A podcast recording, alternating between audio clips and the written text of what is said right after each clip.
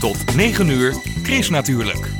Hier is Chris Vemer. Goedemorgen. Wie denkt dat de lente nu alweer is afgelopen, heeft het mis. De lente gaat gewoon door.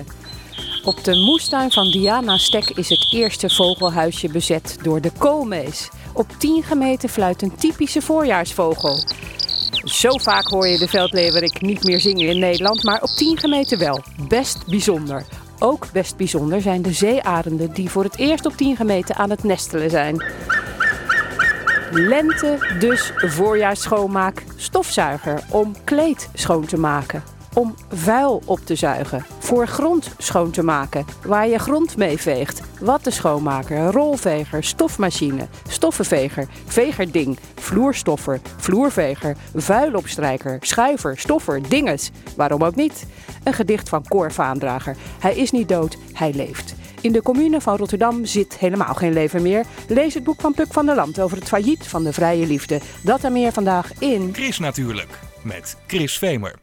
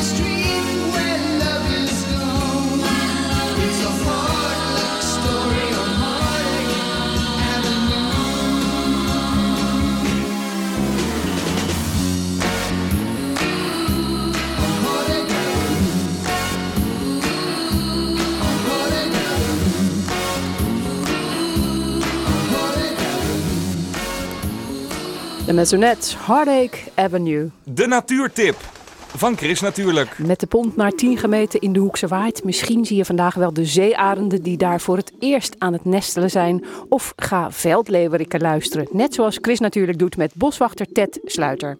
Ja, we zijn eh, inmiddels aangeland op uh, natuureiland 10 gemeten. En ja, hier zitten vele tientallen paren veldleeuwerik. Een soort die het in eh, de rest van Nederland ontzettend slecht doet. Dus ik ga er toch wel vanuit dat we er een paar zien en in ieder geval horen. Ja, en we gaan kijken of we de zeearenden zien. Die doen voor het eerst pogingen om hier te nestelen. Ja, die zijn een week geleden zijn ze ermee eh, begonnen. En ja, dat is natuurlijk heel bijzonder. Dat is toch wel een iconisch beest natuurlijk. De vliegende deur. Spanwijdte van meer dan 2 meter. En dat ze uitgerekend op het eiland wat wij mogen beheren als natuurmonumenten een nest aan het maken zijn. En moeten we dan voor de veldleverik een andere kant op dan voor de zeearend? Nee, ah, ik ga ervan uit dat we op dezelfde plek, de Vlietberg, dat je daar zowel veldleeuweriken kan horen en ook de bouwende zeearenden kunt zien. Oké, daar gaan we. Trouwens, je hebt een eh, enorm eh, telescoop bij je. Ja, we willen heel graag eh, afstand houden tot, tot dat nest.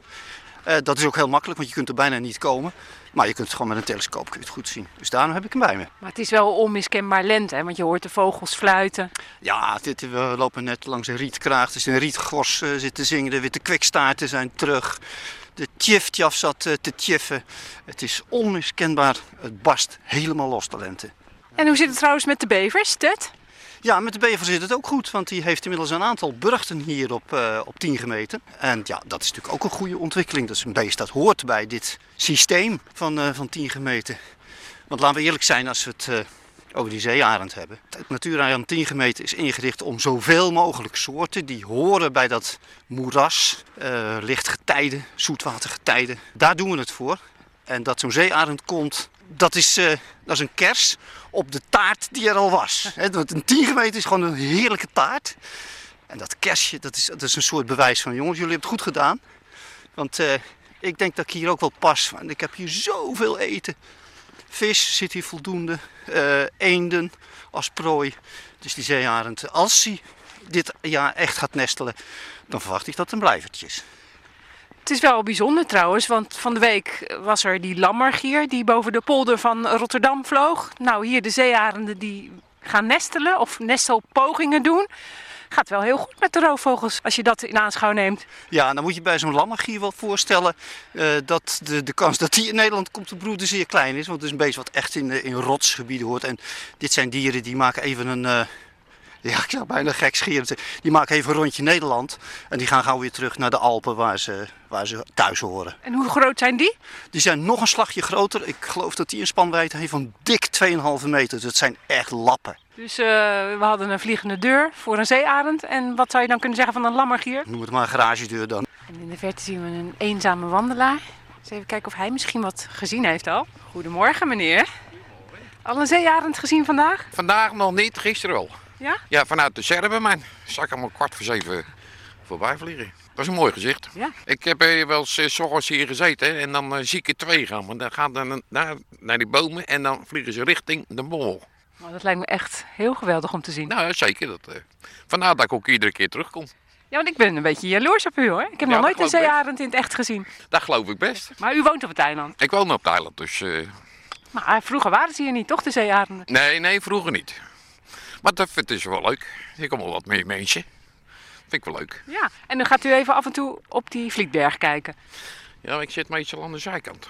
Wat gaat u daar doen dan? Even rustig omheen kijken. Kijken of je nog wat eh, ziet vliegen of zo. Ik heb er niet zoveel verstand van hoor, maar zo'n vliegende deur, dat eh, zie je gauw. Ja, zeker. Nou, wij gaan ook even kijken. Nou, veel plezier. Dank u wel. Zijn we er nu al, eh, Ted? Ja, ik ben een beetje aan het koekeloeren of ik eh, het nest kan ontwaren waar, eh, waar ze aan het bouwen zouden zijn. Want ik dacht dat het een grap was, maar eh, de man van de pont die zei ja, derde boom rechts of iets dergelijks, Ja. daar zouden ze zitten. Ik da- dacht, nou, dat, dat is niet waar, maar dat is wel zo. Ja, ik vroeg het aan want er staat gewoon een hele grote rij eh, populieren op, eh, op de dijk. Ja, ik heb hem. Oh, je Ja, ziet het takkenbos. Ik zie de takkenbos. Volgens mij is dit hem. Je mag er zelf ook eens even Ja. een kijkje door, eh, doornemen. Je zit een beetje in het midden van de boom. Oh ja, ja, ik zie hem ook. Ja, het is Maar ook- ik zie alleen maar een nest en verder niks hoor. Nee, ja, je, ik, je hebt natuurlijk de hoop dat, eh, dat ze een beetje met takken aan het sjouwen zouden zijn. Want eh, ja, als het, eh, als het echt tot een nestpoging komt, dan zal het niet zo gek lang meer duren of ze gaan eieren leggen. 38 dagen broeden ze. En dan moeten de jongen ongeveer 70 tot 90 dagen eh, gevoed worden voordat ze uitvliegen. Maar het is toch eigenlijk helemaal niet zeker dat ze dan ook echt jongen gaan krijgen hier. Nee, nee, nee, nee. nee. Dit is, da- daarom, je hebt het ook goed gezegd, het is, het is een nestelpoging. Maar goed, we, we weten uit andere gebieden, Oostvaardersplas, het Lauwersmeer, de Biesbos, dat zo begint het gewoon. En het is even de vraag, want als ik me niet vergis, eh, wat ik gehoord heb, is het een, eh, een volwassen man met een wat jongere vrouw. En eh, nou, ik ken heel veel stellen in mijn omgeving waar dat goed gaat. Andersom ook hoor. ja, tuurlijk, tuurlijk, flauwekul. En eh, ja, het is, het, is, het is gewoon afwachten. Ik hoor een veldleeuwerik. Heel hoog. En dat is ook het. Ja, ik zie hem zelfs. Als je Oh, die, ja, die ja. twee ganzen Ja. en een beetje links naar boven. Ja, heel hoog, ja. Ja, eerst, dat is typisch gedrag van een veldleeuwerik. Die stijgt heel langzaam omhoog en gaat dan staan, een beetje bidden, zoals een torenvalk. En zingt dan. En Het is dus een mannetje, die is zijn terri- territorium nu aan het afbakenen. Van, eh, nou, dit lijkt me wel een geschikt plekje om eh, samen met een, met een leuk vrouwtje een gezinnetje te stichten. Is het bijzonder dat er veldleeuweriken zitten op 10 gemeten? Op zich niet, omdat het terrein er heel erg geschikt voor is. Maar je moet je voorstellen, het is wel een soort waar het ongelooflijk slecht mee is gegaan de afgelopen 50 jaar. Er is zomaar 95% van onze veldleeuweriken als broedvogel is gewoon verdwenen. Het is eigenlijk een beetje een soort ottensienvogel of een aapnootmiesvogel. hè? Dan, eh, dan vroeger zag je dat beestje echt overal, je hoorde hem overal. Ja, overal, je, waar je ook stond in het poldergebied, je kon van elke plek in het voorjaar misschien wel 10 veldleeuweriken horen. En nu moet je echt met een, als een speld in een hooiberg moet je ernaar zoeken. Ja, want eh, door de intensieve landbouw is het niet zo goed gegaan met de veldleeuwerik. Nee, en dat is eh, voornamelijk een voedselkwestie. Eh, vooral in de tijd dat de jongen eh, uit het ei kruipen en ze een hele grote eiwitbehoefte hebben, dan hebben ze heel veel insecten eh, nodig die de ouders aanbrengen. Ja, en die zitten er gewoon niet meer in het agrarisch gebied, omdat we zo intensief eh, boeren. Ja, nou, ik weet dat ze hier wel zitten, want ik ben wel eens een keertje aangevallen hoor, door al die insecten. Ja, ja, dazen, goudoogdazen, eh, muggen, ja, ik weet er ook alles van. De- ja. Maar het is natuurlijk ja, toch leuk dat je op zo'n eiland als dit vele tientallen paren hè, op je wandelingen kunt tegenkomen. ja, en een veldleeuwerik is gewoon inderdaad ook echt hartstikke leuk om te horen. Ja, als ik de eerste hoor, soms al eind januari op een windstille dag met, eh, met een zonnetje, dan krijg ik echt kippenvel. Het is elk jaar weer hetzelfde. De eerste lentebode, eindelijk die winter weer voorbij en dan eh, op naar het voorjaar. En alleen het mannetje doet dat zo hoog in de lucht vliegen en zingen. Ja, het is eh, bijna wet van mede en persen dat eh, in de vogelwereld eh, de mannen vooral de territoria afbakenen door te zingen. De, rietgos, de merel, de zanglijster die ons nu s- 's ochtends weer wakker maakt, dat zijn de mannen, de stoere mannen. Ja, maar die veldleeuwerik die gaat dus echt heel hoog. Die gaat heel hoog. Ze hebben wel eens bijgehouden qua tijd. Dat, er was ooit een mannetje wat 58 minuten aan één stuk zo stil stond te zingen. Dus dat zijn de macho's. En weet je hoeveel veldleeuweriken er zitten op het Ik eiland? dacht dat er eh, tussen de 50 en de 60 paren zit. Dus dat is echt wel eh, noemenswaardig. Dus dat moeten we wel een beetje koesteren allemaal. Ja, nou dat wordt ook gekoesterd. Er zijn altijd plekken die dankzij de begrazing met die Schotse hooglanders die hier lopen, die open blijven. Want dat is natuurlijk toch wel een voorwaarde voor de veldleeuwerik. Die kan niet in bosgebieden broeden. Die moet wel een beetje open, open gebied houden. Nou ja, kijk hier overal heb je, heb je open stukken. En voedsel zit er voldoende qua insecten. En nog een ander ding, hè? boerenzwaluw. Zit die hier ook? Eh, we hebben een paar ruïnes op het eiland. En een van die ruïnes, dat, dat was gewoon een oude boerderij. Die hebben we laten staan. Die staat op een eiland, daar kun je dus ook niet in. Dat moet je Die zien niet- we vanuit hier zien we wel. vanuit hier eh, liggen. En ik heb hier in 2008 eh, geïnventariseerd. En ik ben zo'n ruïne binnengegaan. En in de badkamer, onder het planchet, zaten twee nesten van de boerenzwaluw. Het is wel echt zo apart. En die komen dan wel weer terug. Die Misschien zijn ze er al. Nee, ja. Eh, ik weet dat de, nou, de eerste tien zijn al gezien in Nederland. Al eh, ja, rond, eh, rond 10 maart zelfs. Dat is redelijk vroeg hoor. Ik denk dat het te maken heeft met de zuidelijke stroming. En zuidoostelijke stroming waar we mee te maken hebben. Dus het is gewoon warme lucht naar Nederland geblazen. En daar komen ze bij mee. Ook weer zo'n soort, ja, ik blijf erover vertellen waar je echt kippenvel van krijgt. Als je die eerste 20 centimeter lente, als je die langs ziet komen en vrolijk chillpunt. Ja, dat is echt geweldig. We moeten terug, denk Ja, ik, ik denk Ted. Want mag, eh, helaas weer geen zeearend. Dus ik moet gewoon van de week nog maar een keer terugkomen. We moeten het gewoon regelen eigenlijk. eh, Even bellen. Ja. Maar ja, het idee alleen al. precies. Ze zijn bezig. Ja, Hey. de veldleeuwerik omhoog.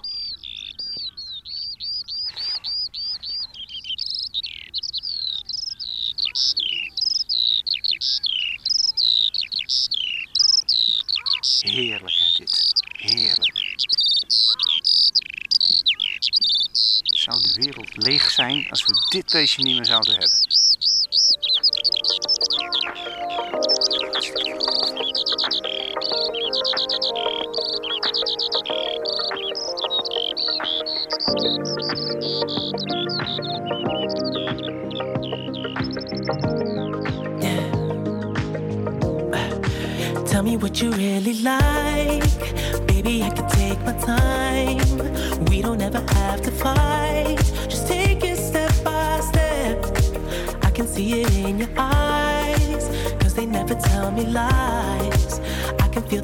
Feel that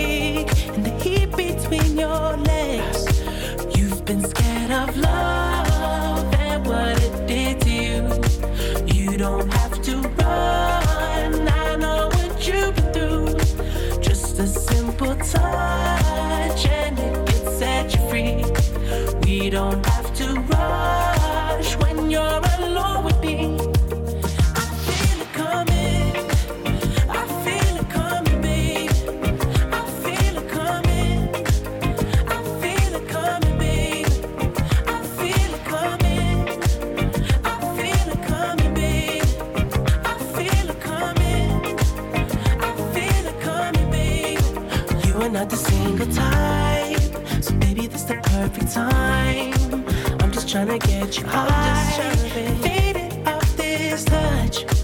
You don't need a lonely night, so baby, I can make it right. You just gotta let me try to give you what you want.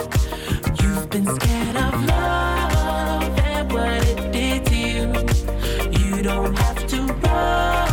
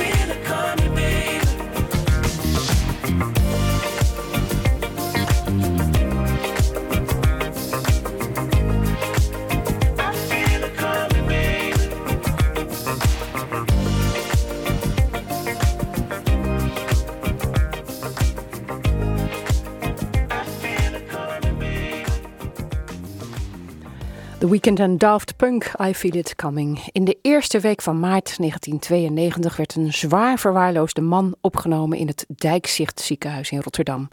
Niemand wist wie hij was. Toen ze er eindelijk achter kwamen, konden ze zijn familie niet vinden. Op 18 maart om 5 uur 's middags, kort na het eten van een boterhammetje, stierf Cor Vaandrager een eenzame dood. Zo was te lezen in Vaan, de biografie uit 2005 over de Rotterdamse schrijver en dichter Cornelis Bastiaan Vaandrager. Vandaag, precies 25 jaar na zijn dood, blijkt dat het werk van Vaandrager nog niet vergeten is. Vertellen Erik Brus, Mark Boninsigna en John van Tichelen in boekhandel Voorheen van Gennep in Rotterdam. Cor Vaandrager is natuurlijk, hij is wel een tijdje vergeten geweest. Maar eh, de laatste jaren, eh, sinds de biografie ook, is er weer wel opnieuw belangstelling. Wie was Vaan, Erik Brus? Nou, ik denk dat hij een- eh, wel, ja, wel echt een van de belangrijkste vernieuwers was in de Nederlandse literatuur. En, maar ja, zo radicaal en zo compromisloos in zijn werk en als persoon ook. Hij was sowieso zijn tijd vooruit. Hij sloot geen compromissen eigenlijk. En dat het ook even geduurd heeft, hij is dan in 1992 overleden. Eh, misschien is het in die zin verklaarbaar dat het even, het was allemaal echt wel heftig. En, eh, Ja, want bijvoorbeeld, ik ken hem bijvoorbeeld eh, als een eh, zwerver die hier eh, over straat ging met plastic tasjes en dan stopte hij van alles in. Ik denk dat, eh, John, dat jij hem ook nog wel kent uit die tijd. Ja, natuurlijk. Ja. Ik werkte toen nog niet bij Vergenep, maar ik was hier wel klant en ik kwam hier ook wel in de buurt. En eh, hij zat, vroeger zat hij vaak in café eh Riddim, een stukje verderop. En dan kwam hij tussendoor, kwam hij, bij eh boekhandel van Gennep kwam hij eh, zijn boeken halen. En dan zonder te betalen, want het waren zijn boeken. Dus, eh, maar ja, verder een, ja, een compromisloos leven ook eigenlijk. Hè. Drugs veel en zo. En, nou ja, en zo. Want hij, hij was wel een figuur, laten we het maar zo zeggen. Ja, dat kan je wel zeggen. Een karakteristiek figuur ja, hier op, in dit gedeelte van de, van de stad. Ja. ja, een beetje berucht ook wel hoor. Ik las een, een leuk verhaal eh, in Vaan Nu. Dat is de bundel die dus vanmiddag wordt gepresenteerd van Bartja Bot. Dat hij dan bijvoorbeeld eh, werd aangehouden door de politie. Hij was dus met een schroevendraaier bezig om eh, stoplicht buiten werking te stellen. ja. ja, nee, wat dat betreft was het een. eh, ja, hij, hij trok zich niks aan van de conventies. Nee. Ja, was een soort, die, die ready-made gedichten die hij maakte. Dat was ook een soort ready-made art die hij eigenlijk... Hè, hij haalde gewoon eh, attributen uit de stad, die, die demonteerde hij. En Wat, wat is dat, ready-made gedichten? nou ja, dat je, dat je gedichten maakt van, van bestaande eh, zinnen, eh, bijvoorbeeld uit kranten of uit tijdschriften, dat je, dat je woorden neemt of alinea's of dingen en die aan elkaar zet en daar dus een gedicht uit eh, samenstelt. Toen hij beroemd werd eigenlijk, eh, ja, begin jaren 60, hij was natuurlijk onderdeel van een stroming met Hans Sleutelaar, Armando, Hans Vagen. Die hebben dat wel echt heel duidelijk als, als statement ook gebruikt. En die hadden eigenlijk allemaal hetzelfde idee. Eh, de bestaande werkelijkheid is eigenlijk vol poëzie. Maar het gaat erom dat je goed kijkt en dat je isoleert. Armando noemde het dan isoleren, annexeren, intensiveren. Ja, maar dat klinkt dat dan heel ingewikkeld. Maar hij was gewoon, Cor Vaandrager was gewoon van... ja, het hoeft allemaal niet zo Ja. eh, moeilijk. En ook niet zo sentimenteel. Ja, ja Vaandrager was, was niet de ideoloog, die, hij deed het gewoon. Doe eens een gedicht dan van hem. Nou, bijvoorbeeld heel bekend eh, uit de cyclus Rotterdam. in het warenhuis. Verkoopster, zal ik het prijsje eraf halen? Eh, klant, nee, laat u het prijsje er maar op zitten. En dat, dat brengt hij dan als een gedicht. Mark Bonisigna, dichter van nu. Is het een held van jou, Cor Vaandrager? Ja, tuurlijk.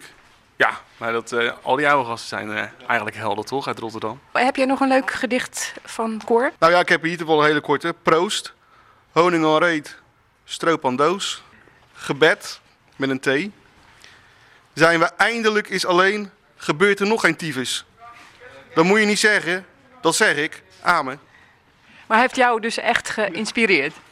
Ja, nou, ik vind het wel leuk, weet je. Net zoals, eh, hij natuurlijk, Vaan heeft niet alleen mij geïnspireerd, maar hij heeft bijvoorbeeld ook Jules Deelde ook geïnspireerd, weet je wel. En eh, heel veel anderen.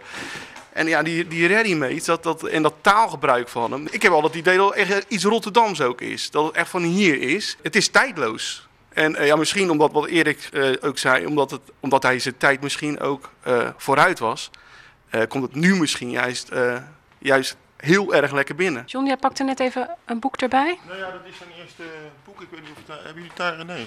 Eh, Leven Joop uh, Massakke. Het gaat ook over een, natuurlijk een, een jongen uit Rotterdam-Zuid. Cor kwam ook, ook een heel eenvoudige afkomst uit Rotterdam-Zuid.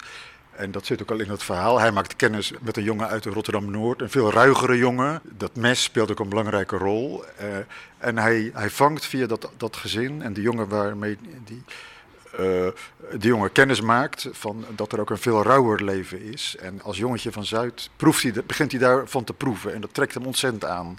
En die, dat leven zal hem steeds meer inspireren en opslokken, misschien zelfs uiteindelijk. Maar dit is, hier zie je al het begin eigenlijk. eh, Het is nog vrij conventioneel, maar je ziet wel van hij, hij voelt zich aangetrokken tot die rauwheid van de, van de grote stad. In die zin zit, zit het begin hier al, eh, al in. Wat gaat er nou vanmiddag hier gebeuren? Eh, er vinden twee boekpresentaties plaats. Eh, het ene is van een uitgever Lebowski, de, de Rembrandts gaan uit vissen. En het andere is Vaan Nu. De Rembrandts gaan het vissen is een herdruk van de avonturen van Cornelis Bastien Vaandrager. Dus dat is de eerste bundel van die Vaandrager zelf in 1963 uitbracht. Dus dat, is echt uit die tijd. Ja. En, da- en daarnaast staat dan Vaar Nu. En dat is vooral, daar staan vooral jongere dichters en schrijvers in. En eh, ik, nou ja, ik heb het samengesteld en ik heb, ik heb schrijvers en dichters gevraagd om zich door Vaandrager te laten inspireren. En waarom heb je bijvoorbeeld Mark gevraagd hiervoor? Uh, hij bijvoorbeeld op de begrafenis van eh, Frans Vogel, vorig jaar heeft hij ook een gedicht voorgelezen. En velen hebben dat indrukwekkend gevonden. En dat is ook echt een gedicht dat, eh, ja, dat vanuit diezelfde filosofie is geschreven. Misschien kunnen we even aan Mark vragen of hij misschien daar een klein stukje uit wil Ja, ik doen. toevallig ook bij me. Ik dacht voor het geval dat het gaat gebeuren. Ja. Die ken ik niet uit mijn hoofd. Port of Rotterdam. Leuvenhaven, Parkhaven, Kreekshaven, Spoorweghaven, Eerste Eemhaven, Koolhaven, Duurbakhaven, Middenkous, Haringvliet, Robbenoordse haven, Veerhaven, Welplathaven, Heishaven, Wiltonhaven, Feyenoordhaven, Hartelhaven, Eerste Katendrechtse haven, Tweede Katendrechtse haven, Bierhaven, Wijnhaven, Boerengat, Buizengat, Scheepmakershaven, Schiemond, Oude haven, Vijfsluizenhaven, Nassauhaven, Koningshaven, Geulhaven, Scheurhaven, Keilenhaven, Zevenmanshaven, Sleepboothaven, Entrepothaven, Sint-Jobshaven, Sint-Janshaven, Sint-Laudershaven, Fokhaven, Beneluxhaven, Europahaven, Pelserthaven, Bornissehaven, Korte Noordse haven, Rederijhaven, Nijhaven, Berghaven, Alblashaven, Chemiehaven, Eerste Petroleumhaven, Tweede Nou, ik snap niet dat je dat niet uit je hoofd kan. Niet? Maar Cor is niet dood, hij leeft. Ja, ja Cor ken niet dood. Vanmiddag dan is de presentatie van de twee boeken rond Cor Vaandrager in boekhandel voorheen van Gennep aan de Oude Binnenweg in Rotterdam. Chris Natuurlijk. De weekendbijlage. Wat staat er in de weekendkranten over groen, natuur en milieu? Je hoort het in het overzicht. Ik lees het samen met Marleen Scheur. Kogel Halleen. Eh, Goeie. Halleen. dat is een mooie. Ja. Goedemorgen Marleen. Goedemorgen, Chris. Nou, in de weekendbijlage van de Volkskrant een reportage over dierproeven. Door nieuwe ontwikkelingen zijn er veel minder van nodig. Maar het vervangen van een dierproef met een alternatief is een langdurig proces. Vanmiddag protesteert de Partij voor de Dieren samen met de actiegroep Animal Rights tegen de uitbreiding van het proefdiercentrum bij het Erasmus MC in Rotterdam. Klimaat sleutelkwestie in de formatie kopt trouw. Om naast het CDA ook een progressieve coalitiepartner te lokken, zal de VVD groener moeten gaan denken. En tweemaal per jaar bedekken enorme hoeveelheden algen het water van de Arabische Zee. Oorzaak van de enorme groei is de opwarming van het zeewater. Deze algenwolken zijn fataal voor het zeeleven.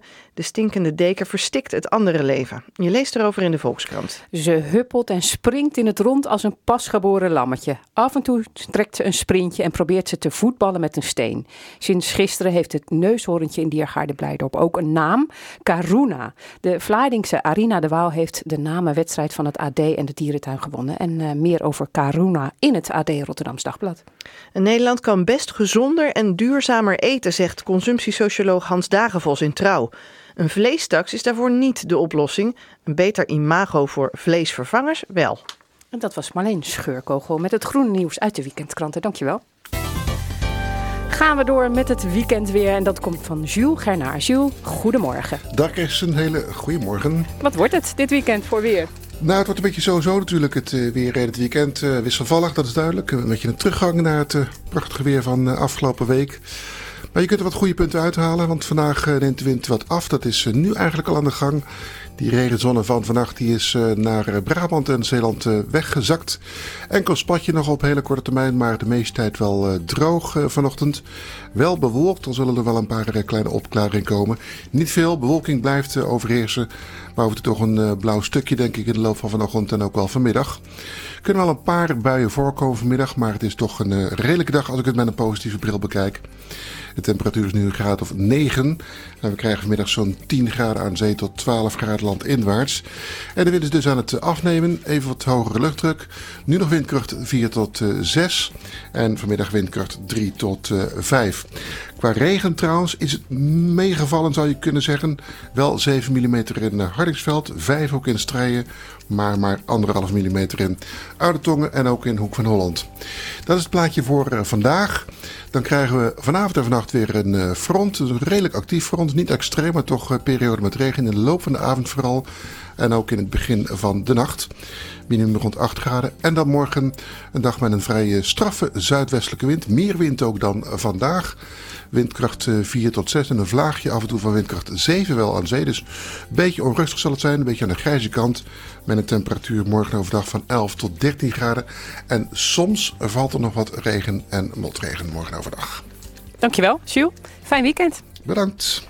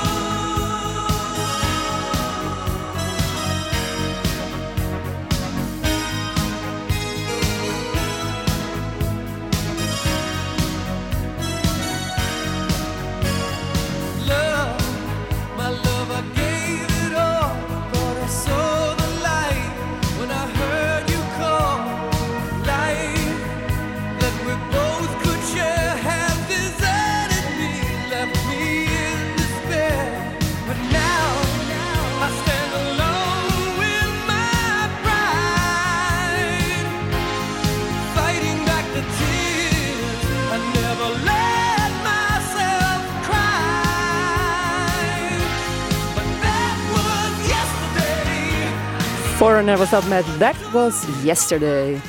Chris natuurlijk. Lekker groen. Diana Stek van de website Diana's Mooie Moestuin... die waarschuwt Chris natuurlijk al dat er nog niks te zien is op haar tuin. De grond is zwart en er groeit en bloeit nog weinig. Maar toch is de lente ook in Spijkenisse overduidelijk begonnen. Als je goed luistert, dan hoor je de vogels wat meer fluiten. De boompjes lopen uit, de struiken lopen uit. Het koolmeesje zit in het nestkastje. Hoe lang heb je deze tuin al? Sinds 1991. Het waren vroeger allemaal tuintjes van 100 vierkante meter. Dus we zijn begonnen met 100 vierkante meter. En toen ging er iemand weg en toen namen we er een stukje bij. En eh, uiteindelijk eh, hebben we nu denk ik vier tuinen bij elkaar. Diana, je hebt ook echt een, een super achternaam hè, voor een moestuinier. Nou, mijn achternaam op zich valt wel mee. Het is Van der Wacht, maar ik ben getrouwd met Stek. Ja, dat is dan wel eh, Diana Stek. En een eh, florerende website ook. Daar ben ik in 2005 mee begonnen. En toen eh, had ik zo'n kleine gratis website met zeven pagina's. Daar stond wat op. Met drie bezoekers per dag. En dat groeide elk jaar een beetje. Ja, en, en nu?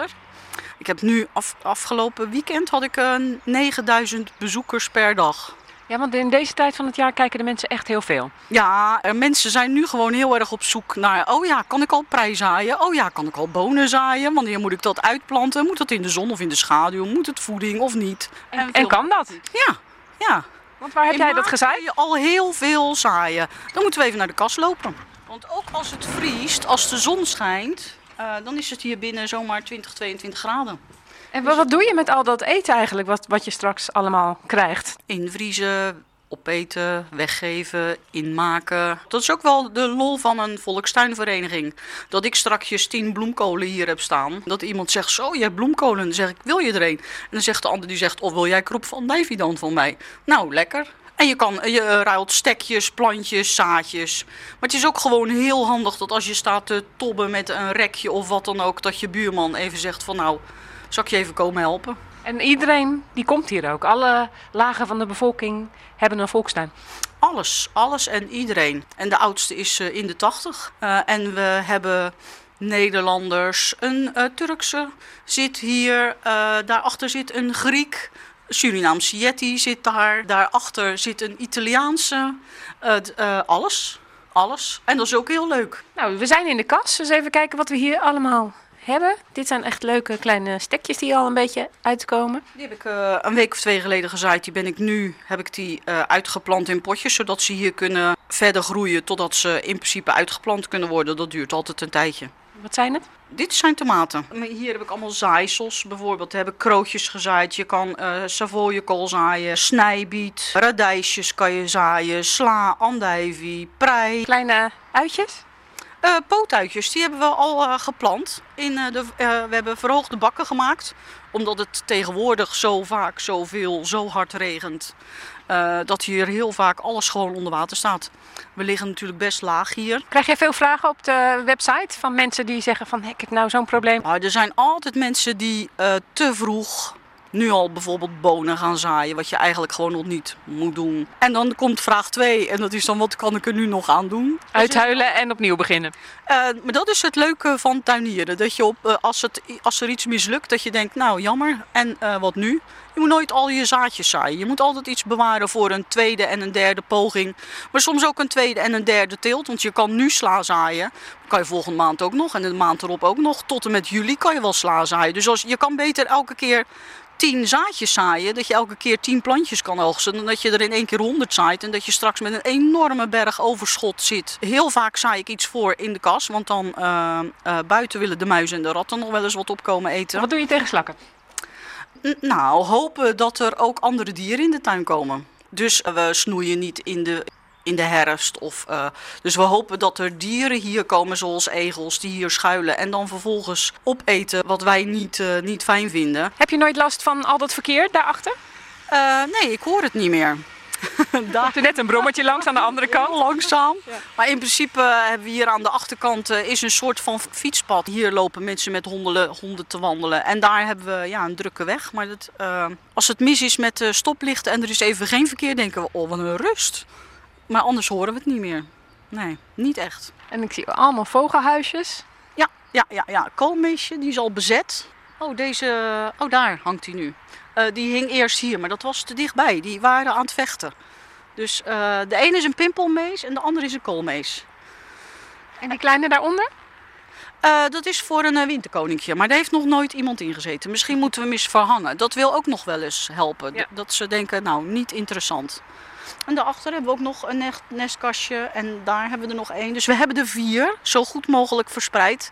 En eigenlijk zitten er altijd wel twee of drie zitten er vol. Dat is ook echt heel grappig, want dan, gaan we, dan pakken we een stoel en dan gaan we hier zitten. En dan kunnen we zien dat eh, zo ongeveer elke twee minuten er een vader of een moeder eh, met rupsjes en zo komt voor ze. Ze nemen wel eens eh, lunchpauze, merken we wel eens. Soms er, ergens eh, zo halverwege de dag, dan zeggen we... hé, nou hebben we ze al een paar minuten niet gezien. Soms een kwartiertje of een half uurtje. Dat ze denken, nou, gaan ze even zelf eten, denk ik. De mensen hadden natuurlijk afgelopen week echt de lente in hun hoofd, hè? Maar de zomer, wacht maar eens tot de zomer. Dan is het hier groen. Eh, eh, en groots voor mijn gevoel. En heel kleurig, waar het nu nog een beetje bruin en grijs is. Eh, en je er nog niks bij voor kan stellen, kan ik dat al wel. Want ik heb het allemaal al gezaaid. En ik weet wat waar komt en welke Afrikaantjes en welke dieren daarop afkomen. En alle hommels en bijen en solitaire bijtjes, slakken, eksters, vlinders. Er is zoveel. Met de, de herrie op de achtergrond gaat de natuur echt gewoon, gaat gewoon door. Die trekt zich daar niet zo heel veel van aan. Op mooiemoestuin.nl lees je de verhalen en tips van Diana Stek over moestuineren.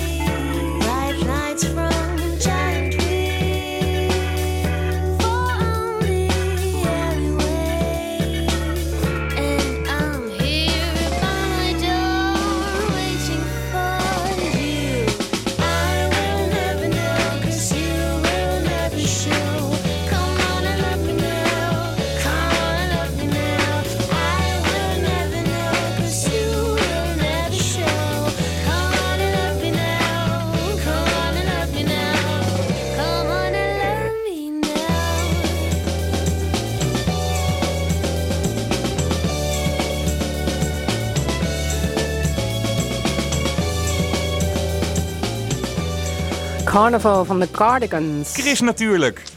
Lekker lezen. Puk van der Land die woonde in de jaren 80 in een woongroep in Rotterdam. De woongroep was onderdeel van een grote, revolutionaire beweging met communes verspreid door heel Nederland, waar vrije seks en collectieve opvoeding van de kinderen centraal stond. In de commune van Rotterdam schrijft Puk van der Land over haar tijd in de woongroep. Chris natuurlijk is met haar in de Schiebroekse Laan, waar het kinderhuis van de commune zat. Dat zat daar op de eerste en de tweede etage.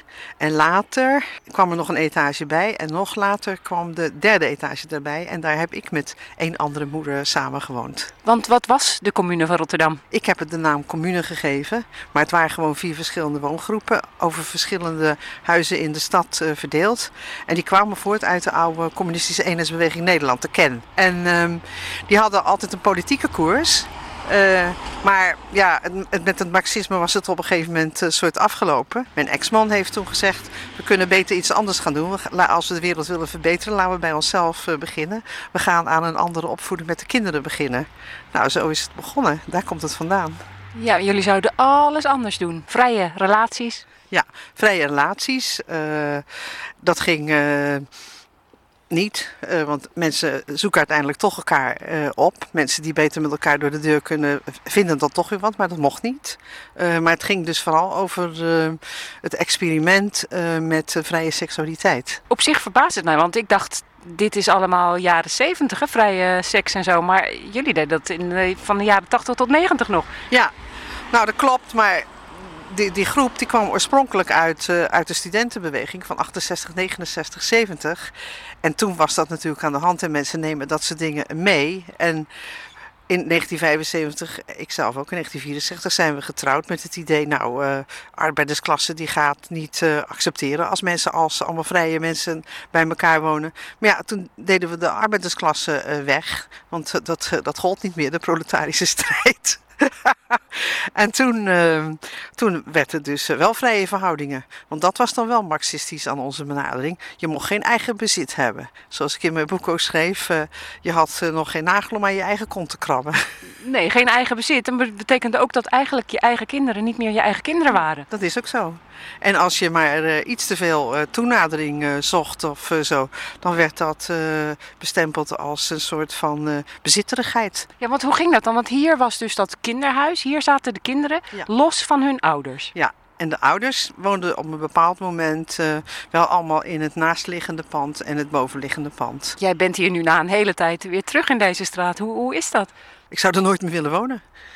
Nee, want er is van alles gebeurd. En niet alleen nare dingen, maar ook leuke dingen. Hè? Want eh, in het begin lees je van hoe die kinderen het echt wel best wel naar hun zin Oh ja, hebben. Dat is ook zo hoor. Ik vind dat de eerste jaren van 80 tot eh 84 eh, zijn echt een goede tijd geweest. Ik heb daar echt goede herinneringen ook, eh, ook aan. Toen tussen de moeders onderling, afgezien van wat gevring, ging dat eigenlijk ook best eh, regelijk, redelijk. Iedereen zette zich gewoon behoorlijk in voor de, voor de kinderen. Ja, jullie gingen op vakantie. De kinderen mochten toneelstukjes altijd doen. Ja.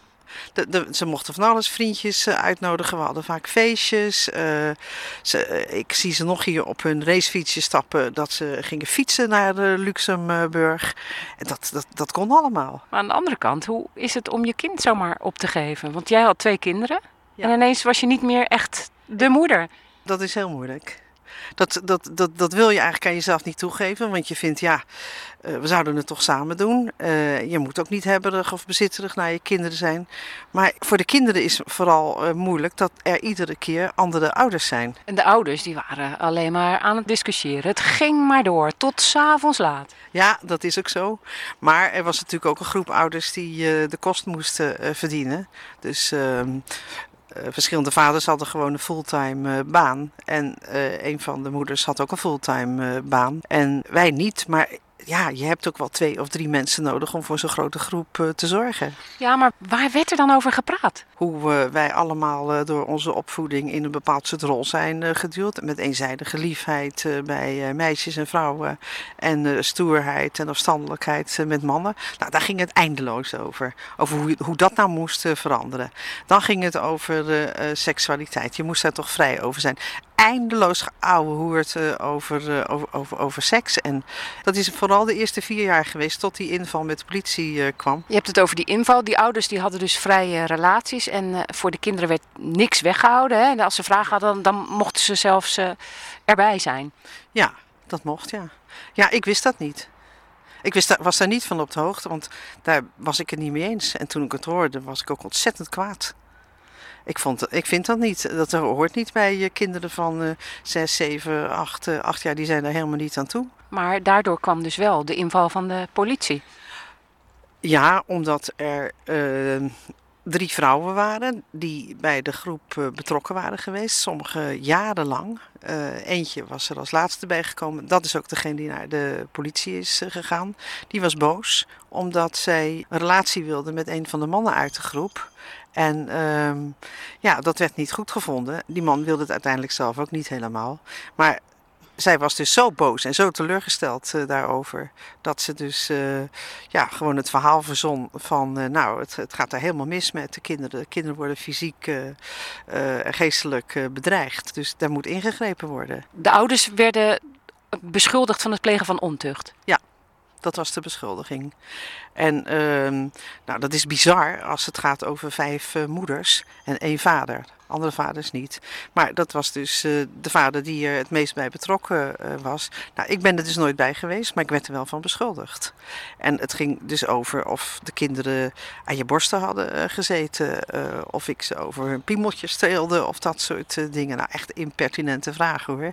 Echt dom ook. En daar hebben ze de kinderen ook heel veel schade mee berokkend. Want die hebben ze dezelfde soort vragen gesteld. Heel suggestief. Sommige mensen zullen zeggen, ja, waar rook is, is vuur. Daar durf ik dan mijn hand wel voor in het vuur te steken. Dat eh, ook, eh, ook de mensen die dan het zwaarste beschuldigd zijn, die hebben nooit iets gedaan wat niet door de beugel kon. Dat durf ik absoluut te zeggen. Maar als de dingen die toen gebeurden eh, nu zouden zijn gebeurd, hè, dan zouden mensen daar toch echt wel wat van zeggen. Dat zou nu niet meer kunnen. Nee, want de tijd is helemaal veranderd. Het was toen een tijd waarin eh, alles eh, en nog wat eh, werd geprobeerd rond seksualiteit en rond vrije opvoeding eh, van, eh, van kinderen.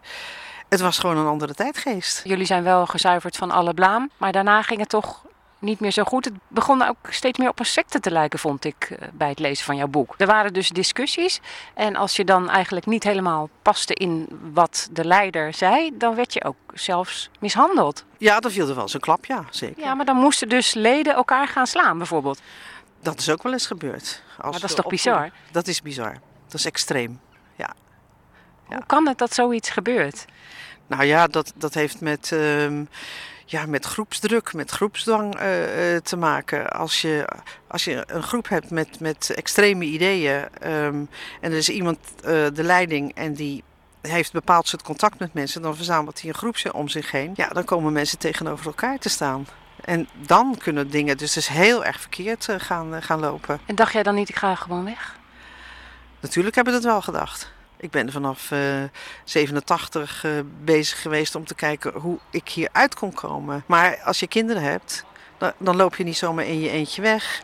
En ik had eh, niks, ik had geen geld, ik had geen baan, ik had geen huis. Ehm, dus, dus ik moest van alles proberen te organiseren om weg te kunnen. Je, je kan niet zomaar van de ene op de andere dag met je kinderen onder je arm de deur uit eh, gaan. Ja. Maar als je er goed over nadenkt, hè, dan, dan heb je het over, over je ouders en die mensen daarvoor die, hè, die dan in een soort keurslijf zaten van het gezin. Terwijl je het eigenlijk ook zelf hebt gedaan, maar dan op een hele andere manier. Klopt, klopt. Die gingen van het ene keurslijf eigenlijk in het andere. En nu heb je er een boek over geschreven, een heel dik boek. Heb je het nu van je afgeschreven allemaal?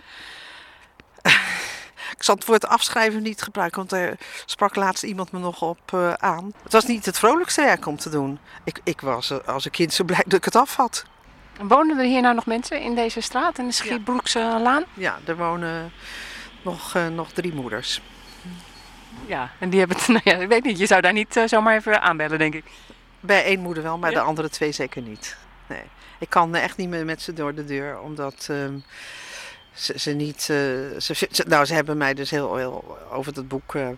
nou, nogal ernstige verwijten gemaakt. Niet rechtstreeks persoonlijk, maar via via heb ik dat dan gehoord. Ja, die, die zijn het hier dus helemaal niet mee eens. Die vinden dat ik iets zwart maak. Ik zeg dan, als je vindt dat het anders zit, schrijf je eigen verhaal. Het verhaal van Puk van der Land lees je in de commune van Rotterdam. Het boek is uitgegeven bij Aspect. Het kost in de winkel 24,95 euro. En er is één luisteraar die het boek kan winnen. 010 436 4436. Dan maak je kans. Dit was Chris Natuurlijk, een programma van Chris Vemer, Marleen Scheurkogel, Danielle Koren, Iwan Pronk en Roeland Kuppers. Die werkten mee vandaag en volgende week in Chris Natuurlijk. Zoogdieren nemen de stad te grazen. En straks neemt Johan Derksen Rijnmond te grazen met muziek voor volwassenen. Een heel fijn weekend en graag tot volgende week.